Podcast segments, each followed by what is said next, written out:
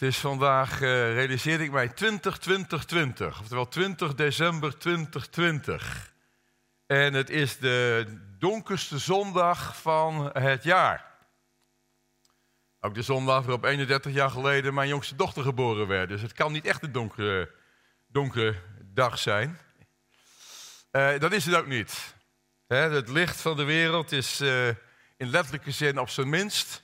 De zon staat het laagst. Maar er is een ander licht gekomen in de wereld. Ik was blij met deze eerste liederen die, uh, die jullie gezongen hebben. Dank jullie wel daarvoor. Ik wil graag met u lezen een paar versen uit uh, de profeet Jezaja.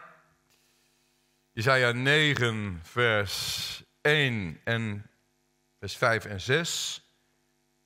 Kende belofte van het kind dat zou komen, maar dat begint zo. Het volk dat in duisternis wandelt, zal een groot licht zien. Zij die wonen in het land van de schaduw van de dood, over hen zal een licht schijnen. Vers 5. Ik heb het misschien wel uit ons hoofd ondertussen. Want een kind is ons geboren, een zoon is ons gegeven. En de heerschappij rust op zijn schouder. En men noemt hem wonderbare raadsman, sterke God, eeuwige vader, vredevorst. Dan staat er aan de uitbreiding van zijn heerschappij zal geen einde komen. Op de troon van David en over zijn koninkrijk om het te grondvesten en het te ondersteunen door recht en gerechtigheid. Van nu aan tot in eeuwigheid. De ijver van de heren van de legermachten zal dit doen ijver van Yahweh Zebaot zal dit doen. En uit het Johannesevangelie. Johannes, het evangelie, vers, uh, hoofdstuk 1, vers 4 en 5 en vers 9. En daar staat, in het woord was het leven. En het leven was het licht van de mensen. En het licht schijnt in de duisternis. En de duisternis heeft het niet gegrepen of begrepen. Beide vertalingen kunnen. En vers 9. Dit was het waarachtige licht dat in de wereld komen zou en ieder mens verlicht. En daarboven heb ik gezegd, uh, kerst als stresstest. Nou, kerst is een feest van licht, dat heeft al, uh, introductie heb ik al iets van gezegd, dat heeft te maken met... Uh, uh, donkere dagen, maar je zult weer in Australië wonen, daar staat de zon op zijn hoogst. Of in uh, Zuid-Afrika, dus het is een beetje uh, cultureel ingevuld. geografisch ingevuld moet ik eigenlijk zeggen. En er zit een stuk romantiek omheen.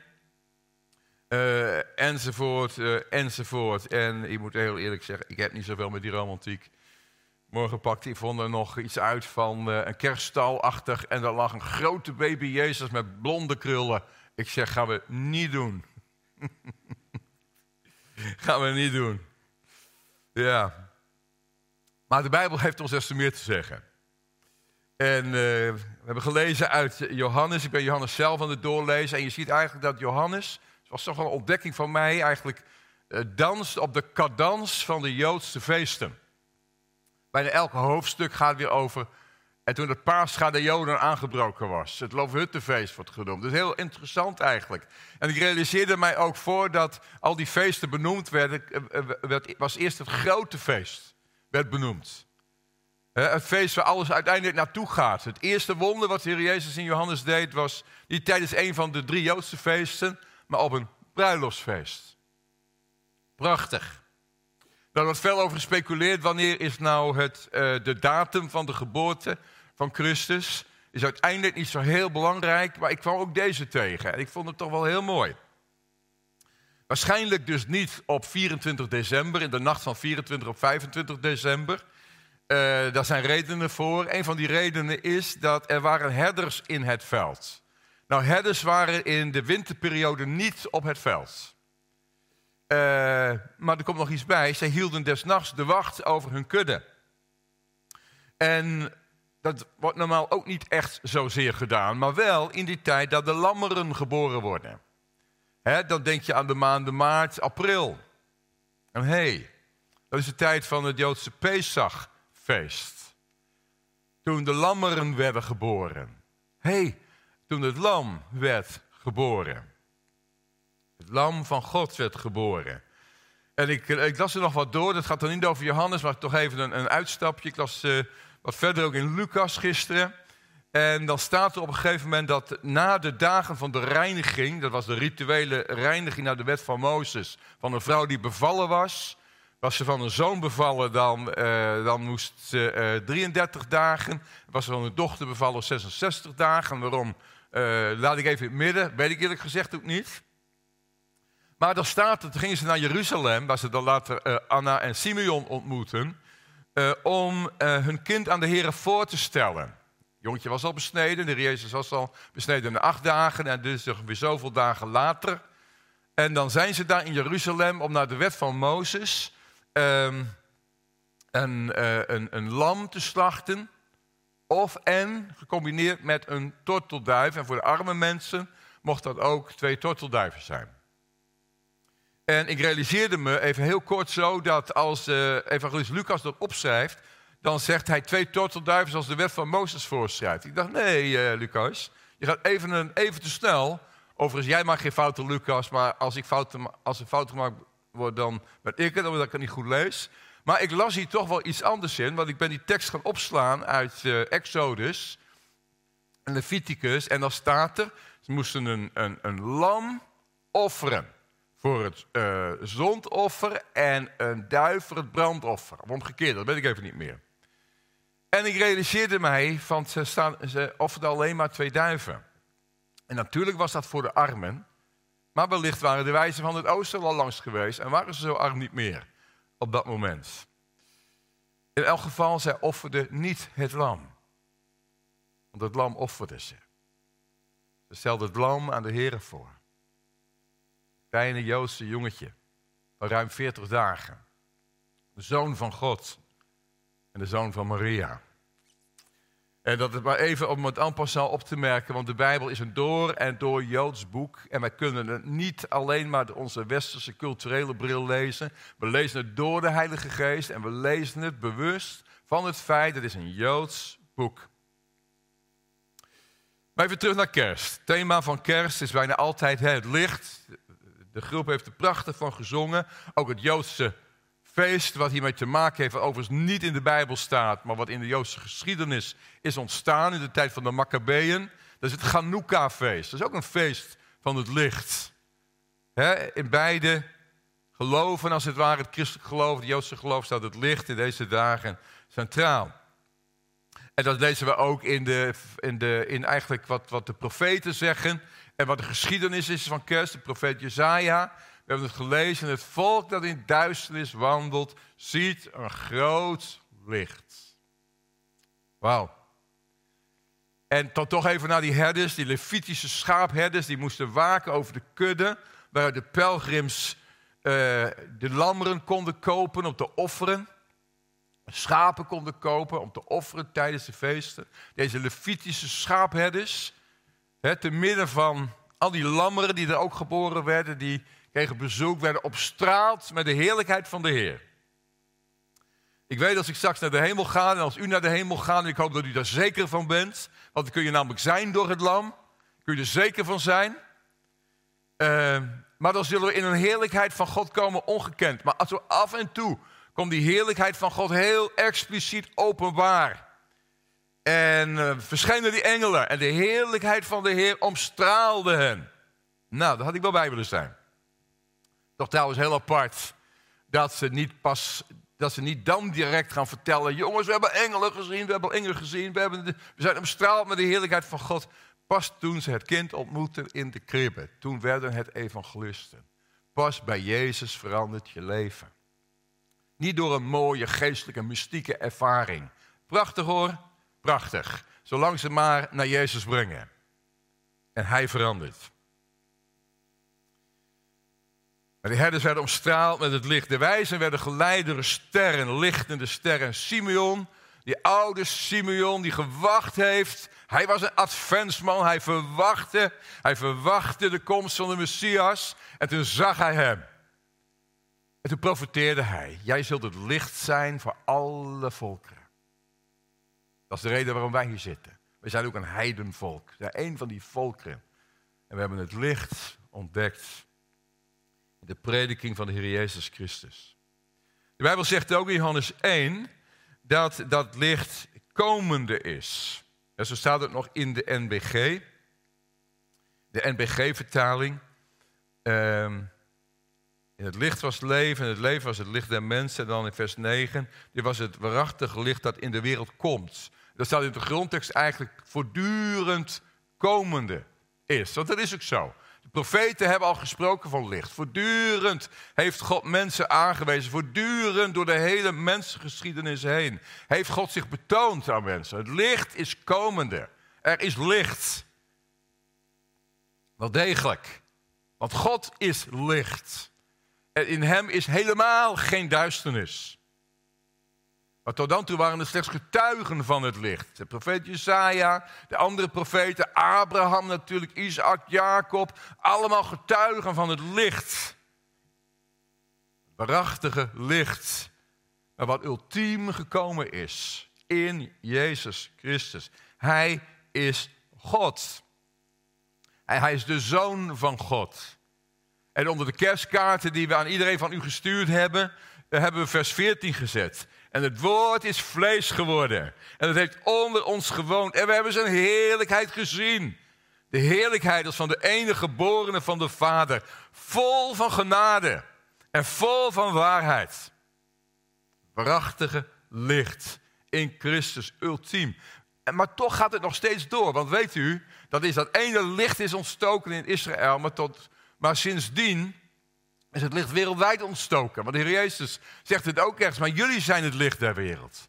Hij, hij is het licht in ons en wij, en wij weerkaatsen zijn licht. En wij geven zijn licht door. En er komt een tijd, lieve mensen, ja, dan wordt het bijna ultiem. Dan wordt het bijna ultiem. Als de Heer Jezus al zijn eerste wonder deed tijdens het, tijdens het bruiloftsfeest. Er komt een groot bruiloftsfeest. En dan wordt alles nieuw. Dan is alles definitief nieuw gemaakt. En dan staat er zelfs, en een zon is niet meer nodig.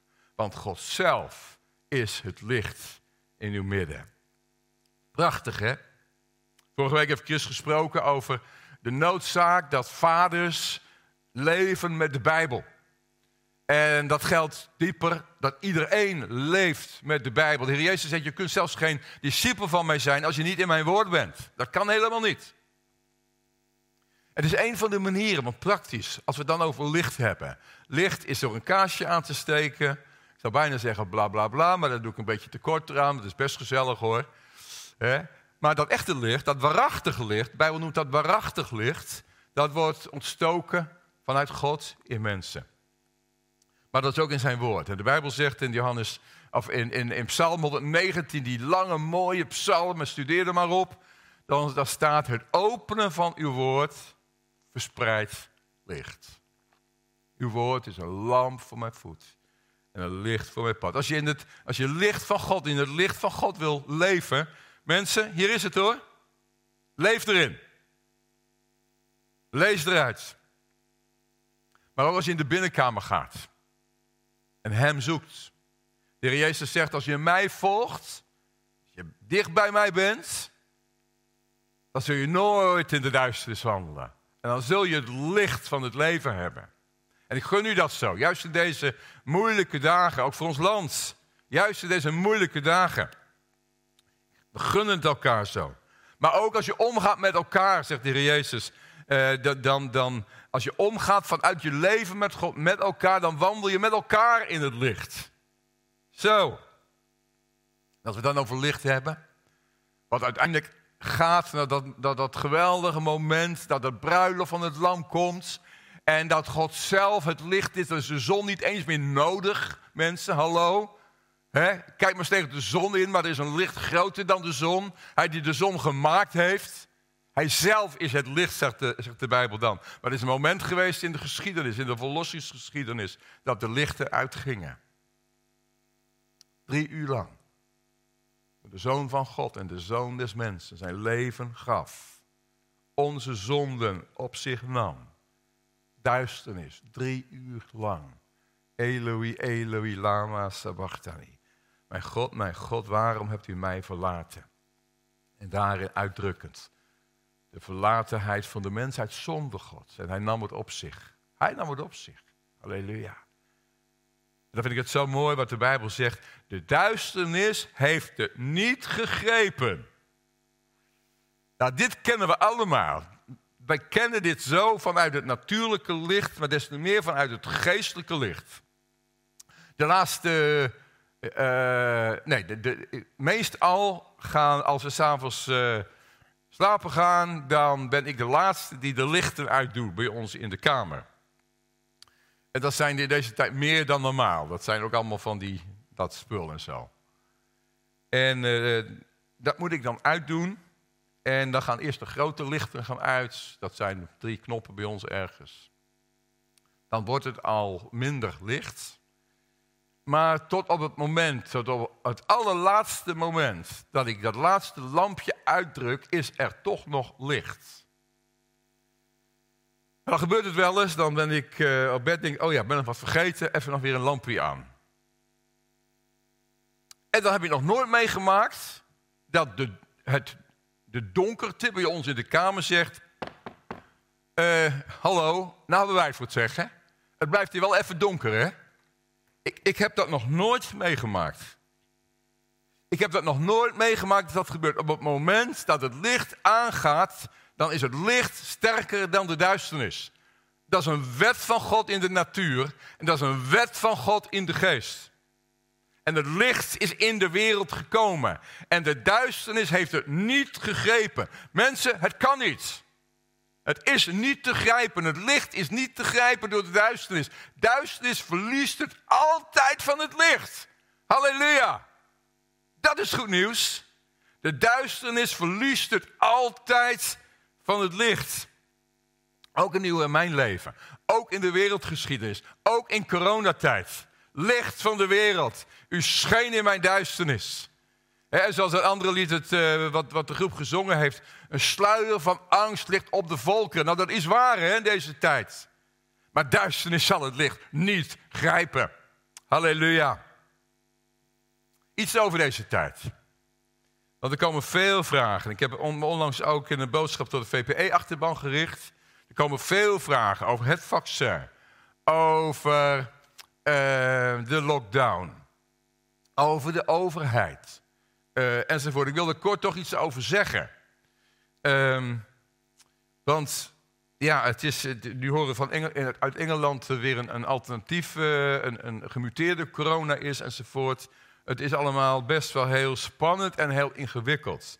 Mensen gaan de overheid steeds meer wantrouwen. Bij de eerste coronagolf ging iedereen nog applaudisseren. Er is een groep viruswaanzin, viruswaarheid. Die denkt daar wat anders over. En wat ik nu deel is niet Bijbel, maar mijn eigen mening. Naar, aanleiding van zoals ik het zie. En ik wil dat toch met u delen. Uh, er is, grote, uh, er is een, een deel van de bevolking die de overheid steeds meer gaat wantrouwen. Uh, en ik zal niet bijvoorbeeld zeggen dat is allemaal onzin of zo. Ik wil wel zeggen dat ook vanuit de VPE, we zitten aan tafel met de minister Vert Grapperhaus. En vanuit het uh, overleg van de kerken met het, uh, met het ministerie. En het is bijna het tegenovergestelde. De kerken is zijn bij eigenlijk de enige groep nog, hè, af alle religieuze samenkomsten, die dan toch nog, als ze dan echt willen, wel met meer mensen mogen samenkomen. De overheid komt niet aan onze grondrechten. Die worden werkelijk gerespecteerd. En daar zit strijd op. Dat is echt niet zo simpel. Denk ook aan een heel ander onderwerp, de vrijheid van onderwijs.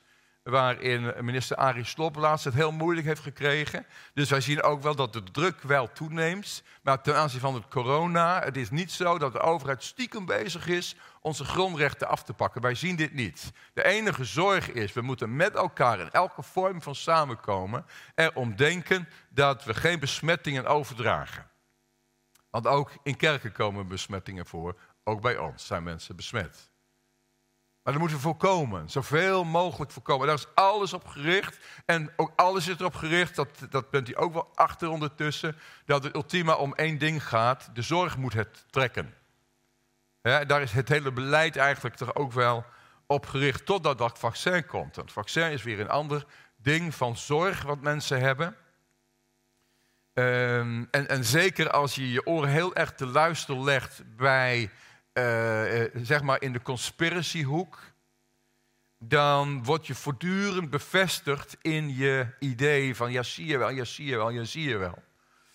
Uh, en ik wil daar toch wat, wat waarschuwende, voorzichtige woorden over, over doen. Er zijn mensen die, die oprecht geloven, op grond van de Bijbel, met een open Bijbel, maar die toch oprecht geloven dat het vaccin dat komt al het teken van het beest is. Ehm, en uh, die om die reden zeggen van ik doe het niet. En ik wil u toch zeggen, om daar vanuit mijn, eigen inzicht iets over te zeggen. En ook, zeg maar Paulus, en ik meen ook de geest van God te hebben. Uh, geloof ik dat dit, dat dit niet zo is. Uh, er is pas sprake van het teken van het beest als we met elkaar als als christen die de Heer Jezus echt volgen, immers, we zullen niet in de duisternis wandelen, maar we zullen in het licht wandelen, heeft Hij ons beloofd. Dus in het licht des levens hebben, dan weten we met elkaar, van het is nu of Jezus verloochenen en buigen voor het beest, of Jezus niet verlogen en buigen voor het lam. Die tijd is er niet ten aanzien van het vaccin is iets anders dat je gewoon niet heel goed mag kijken van er zijn een x aantal soorten vaccins. Waar je zegt van daar voel ik mij het meeste thuis bij. En als u zegt ik voel me niet vrij om een vaccin te nemen. En 8 januari gaat in Nederland begonnen worden, dan is ook dat vrij. He, um, Diederik Gommers, u weet, weet wel die bekende uh, man die vaak op de televisie komt en die intensivist is uh, op intensive cares werkt en dat ook uh, coördineert in Nederland. Hij zegt, wat is het een groot goed dat iedereen, iedereen in Nederland zijn eigen keuze mag maken. Nou, zo is het. Dus ik geloof niet dat we in de fase zijn van het teken van het beest. Dit gezegd hebbende wil ik wel zeggen dat er is ook iets anders gaande in de wereldpolitiek, op, op wereldlijk niveau, mondiaal niveau, waar ik en met mij anderen zich wel zorgen om maken. En dat is wat we de Great Reset noemen. Um, als u zegt van dat interesseert me allemaal niks, lekker doorgaan met leven met de Heer. Maar ik weet dat velen van u ook in Shalom met deze zaken bezig zijn. En daarom hoop ik door deze opmerkingen wel wat richting te geven van zoals ik het zie. En wat we zien is inderdaad dat, een, dat een great reset wordt voorbereid. Dat is van de, de wereldeconomen en, en, wereldleiders die bij elkaar zijn en die realiseren, er moet wel wat gebeuren. Alleen al de Verenigde Staten heeft een schuld van 27.000 miljard dollar. En ze weten allemaal, dit kunnen we nooit meer inlossen. Ze hebben vele landen grote schulden en, en, en, en, de economie is, uh, het, het wordt te wankel om daar in de komende decennia mee door te gaan. Dus men beseft, er moet iets gebeuren. And never waste a good crisis. Oftewel, laten we nu in deze coronapandemie, laten we er gebruik van maken. Nu is men er rijp voor om een verandering teweeg te brengen. Dit noemen ze de Great Reset. Je kunt het nalezen, dit is geen conspiracy, dit is gewoon publicatie. Uh, ook onder andere op de website van het World Economic Forum. Dan leest u dit. En dat, dit zijn wel dingen die mij wel zorgen baren. En te meer ook daar in het totaalpakket wat, de, de, wat de, wereldleiders willen dat de wereldbevolking gaat omarmen. Er zit onder andere ook iets als de LHBTG-agenda. Oftewel de diversiteit. Oftewel eh, propageren dat, dat iedereen niet alleen gelijkwaardig is, maar ook gelijk is. En dat eh, mannen met vrouwen mogen trouwen, mannen met mannen, vrouwen met vrouwen. Het is een heel ingewikkeld, ook pastoraal onderwerp, dus ik wil er niet makkelijk over doen. Maar ik ben in de geest wel alert op dat dit komt. En advent betekent wel degelijk ook dat we wel degelijk ook uh, ons op grond van de Bijbel realiseren dat, uh, dat, dat het moeilijker gaat worden. Ik weet niet precies waar we staan. Uh, sommigen onder ons verwachten de komst van de Heer Jezus elk moment. Anderen denken dat het nog langer duurt. Ik ben er echt oprecht in naar, aan het zoeken. Ik weet wel, ook hierin zijn we adventschristenen. Wij geloven in de komst van de koning. Wij geloven in de komst, niet als een kind, maar als een, als een koning der koningen, als een here der heren. En alleen in hem wordt het vrede op aarde. Alleen door hem wordt het vrede op aarde. Niet alleen in het kruis, maar ook in zijn regering die gaat komen door recht en gerechtigheid, wat de Bijbel zegt, wat de profeet zegt. Dus wel waakzaamheid. Ik ervaar wel dat we waakzaam moeten zijn. Zeker. En ondertussen zijn wij kerk. Anno 2020, bijna 2021. En Gods plan gaat door met deze wereld. Lieve mensen, we blijven het zeggen tegen elkaar. De engel zei het al van dat kleine jongetje. De engel zei het al. Zijn koningschap zal geen einde nemen. De profeet zei het nog mooier wat mij betreft. Nou ja, mooier kan het bijna niet dan wat de engel zegt. Maar de profeet zegt, aan de uitbreiding van zijn heerschappij zal geen einde komen. Wat een goed nieuws. Halleluja. Dwars door alles heen. Dwars door de, de, het schudden en het botsen. En, en, en, en, en de geest van de antichrist. Ja, ik wil het niet ontkennen. is wat de Bijbel ons leert. Zeker. Het geheimenis van de wetteloosheid is al in werking. Zeker. Breekt het koninkrijk van God baan. En de duisternis zal het licht nooit kunnen grijpen.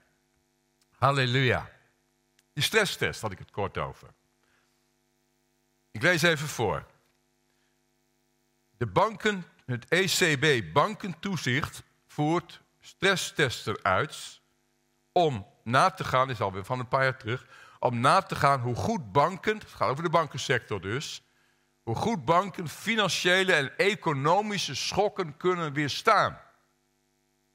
Via een stresstest krijgt de toezichthouder zicht op zwakke plekken van een bank.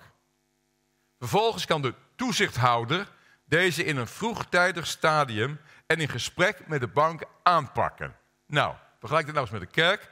Corona is een stresstest voor de kerk. Ik was in een gesprek met Jan Barissen junior en hij reikte mij deze gedachte aan. Dus ik neem hem even mee. De, de, de, we zitten in de tijd van de stresstest van de kerk die nodig is om te kijken waar zijn de zwakke plekken van de kerk.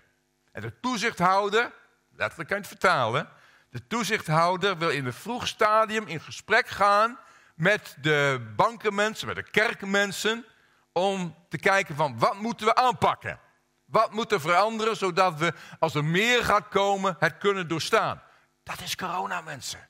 Dat is in de handen van God die alle dingen doet medewerken ten goede. Waar we in zitten, wat Rick in zijn inleiding ook al zei. En een van de dingen, nou, we hebben het er vaak over gehad, een hele volgende jaar zullen we daar een jaarthema aan wijden. Is een van die zwakke plekken in de kerk. Discipelen zijn van Jezus. En discipelen maken van Jezus. Hem volgen. Weet je, het hele christelijke geloof is niet een stelsel van je moet dit en je moet dat en je moet dat. Het hele christelijke geloof is Hem kennen. En de kracht van zijn opstanding. Gemeenschap van zijn lijden. Hem kennen. Jezus kennen. Apostel Paulus, nou die man die had heel wat bagage hoor. En die had, had heel veel kennis. En die had heel veel interessante principes te delen met de kerk. Maar hij zegt één ding. Eén ding. Eén ding. Hem te kennen. En daar gaat het om. En dat is discipelschap. Discipelschap is zodanig hem kennen dat je op hem gaat lijken. In kracht, in karakter, omgekeerde volgorde liefst. Dat is discipelschap. We zullen dat hele het volgende jaar aan gaan wijden. Dat we begrepen hebben dat we in de stresstest van de kerk ook onze zwakke plekken hebben. Doet u mee? Jezus volgen. Anderen helpen om Jezus te volgen. Wat het ook kost. Want hoe sterk is het licht? we hebben over het licht. Hoe sterk is het licht? De Bijbel zegt, wij zijn het licht der wereld. De Heer Jezus zegt zelf, ja, je kan wel licht zijn, maar je kan er ook iets overheen zetten dat je het niet meer ziet. Ik kan zo gauw nou niet even wat te bedenken. Maar uh, stel dat ik een doek uitspreid over die lichtjes, of de lampen hier bedek, ja, dan brandt die nog steeds, maar je ziet het niet. De kerk moet het, moet het licht niet onder de korenmaat zetten, zegt de Bijbel. Is zwak licht mogelijk. Nou, van de Heer Jezus wordt in elk geval gezegd een groot licht. Halleluja. Het grote licht. Het licht. Het waarachtige licht. Zo is het. Fantastisch. En dat is een oproep aan ons, een keuze ook aan ons. Uh, om, om te leren van, van die stresstest en van, Heer, wat gaat er veranderen in mijn leven? Wat moet er veranderen in mijn leven? Wat mag er veranderen in mijn leven? Weet je, de Bijbel, een ander beeld voor een lamp in de Bijbel. De Bijbel was, het, eh, had, was nog geen elektriciteit. Althans, het was er wel, maar nog niet uitgevonden. En eh, dus licht ging altijd samen met vuur. En een mooi beeld daarvan is de kandelaar. En dat licht mocht nooit uitgaan. En weet je wanneer het licht uitging? Wanneer het licht uitging in de kerk, dreigde uit te gaan in de kerk van Efeze. Toen de liefde voor Christus op een lager pitje dreigde komen te staan. Daar komt het licht op een lager pitje te staan. En als de liefde, de passie, liefde voor Christus minder wordt, dan gaat het licht uit. Dat is essentie. Jezus volgen wat het er kost, van hem houden wat het er kost. Maar we leven wel in een tijd, het sluier van angst ligt op de volken, zo'n de groep. En het is wel waar, de overheid maakt zich heel erg zorgen over de jongeren. De overheid maakt zich heel erg zorgen over de eenzamen. Als de overheid dat doet, hoeveel te meer wij als kerk, als gemeente van de Heer Jezus Christus. Dat ons zorgen maken. De, we hadden een prachtige kans om in Kool wat te doen in het theater hier met, voor de jeugd van Herengewaard. Door de lockdown niet doorgegaan. He, eenzame, dat blijft natuurlijk een grote uitdaging. En ik geloof, wat is het gaaf eigenlijk? En ergens, ergens, word nou niet boos op mensen. Ergens ben ik wel blij dat de kerst dit jaar anders moeten vieren. Ergens ben ik wel blij. Want de hemel wordt niet enthousiast van kerstromantiek. De hemel wordt enthousiast als het licht van de wereld verspreid wordt in de wereld. Daar wordt de hemel enthousiast van. We hebben, velen van u hebben, en misschien dat we sommigen van u nog niet bereikt hebben, laat het dan even in de chat weten, maar hebben een, onder andere dit gekregen. Je hoeft het niet alleen te doen, onder de hashtag niet alleen. En bij het uitdelen van de pakketten hebben we tegen velen van u gezegd, ga nou eens na aan wie in je straat of in je wijk, waarvan je weet dat hij eenzaam is, misschien net een echtscheiding achter de rug heeft, slecht nieuws heeft gehoord, of gewoon die je op je hart hebt. Voor mij zou dat vele malen meer kerst zijn als 300 mensen aanbellen, ergens in Butterhuizen, ergens in de Schrijverswijk, ergens in de draai. Ergens in Hensbroek. Gewoon bij iemand aanbellen. Laat me zeggen, 300 keer wordt er aangebeld. En ja, dit is dan een letterlijk lichtje. Het vaccinelichtje zat erbij, of er zat een ander lichtje, hebt u erbij gekregen. Maar dat je er toch kan, kan aanbellen bij iemand. En misschien iets kwijt kan. Misschien een bemoediging. Misschien wel het evangelie. Wij zou dat veel meer kerst zijn. Dan dat we hier in onze mooie pakken en mooie jurken, ook wel goed hoor. Toch zou dat veel meer kerst zijn. Afgelopen dagen en afgelopen weken, ook in de voorbereiding op kerst, kwam, is die tekst altijd bij mij gebleven. Er was voor hem geen plaats in de herberg. Nou, we kunnen letterlijk niet hier terecht gesteld dat dit een herberg is. Er is plaats in het hart van God voor zoveel mensen. Mensen die echt alleen zijn. Mensen die, jonge mensen die het zo moeilijk hebben. Ik wil eigenlijk een moment, voordat ik deze preek ga afsluiten, een, een, dat we samen een moment stil zijn voor God. En misschien hebt u hem gestaan, misschien zit hij nog in de tas. Misschien heeft u hem nog niet gekregen, laat het even weten via de chat. Um, dat we stil zijn voor God. Heer, aan wie ga ik dit geven?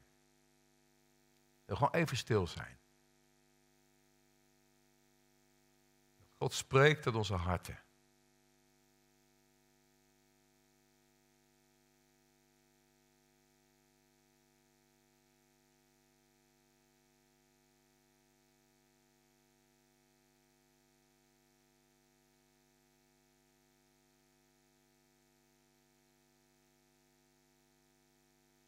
Heer, dat er 100 keer, 200 keer, 300 keer ergens in Heer Hugowaard en omgeving aangebeld wordt.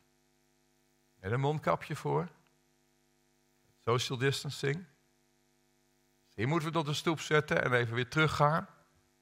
Maar dan als de deur toch open gaat, zeggen: Kijk, ik kan het u niet zo aanreiken. Ik moet wat afstand bewaren. Maar ik wil u graag laten weten. God van u houdt. En dat u niet alleen bent. Hmm, ik denk dat dat kerst is.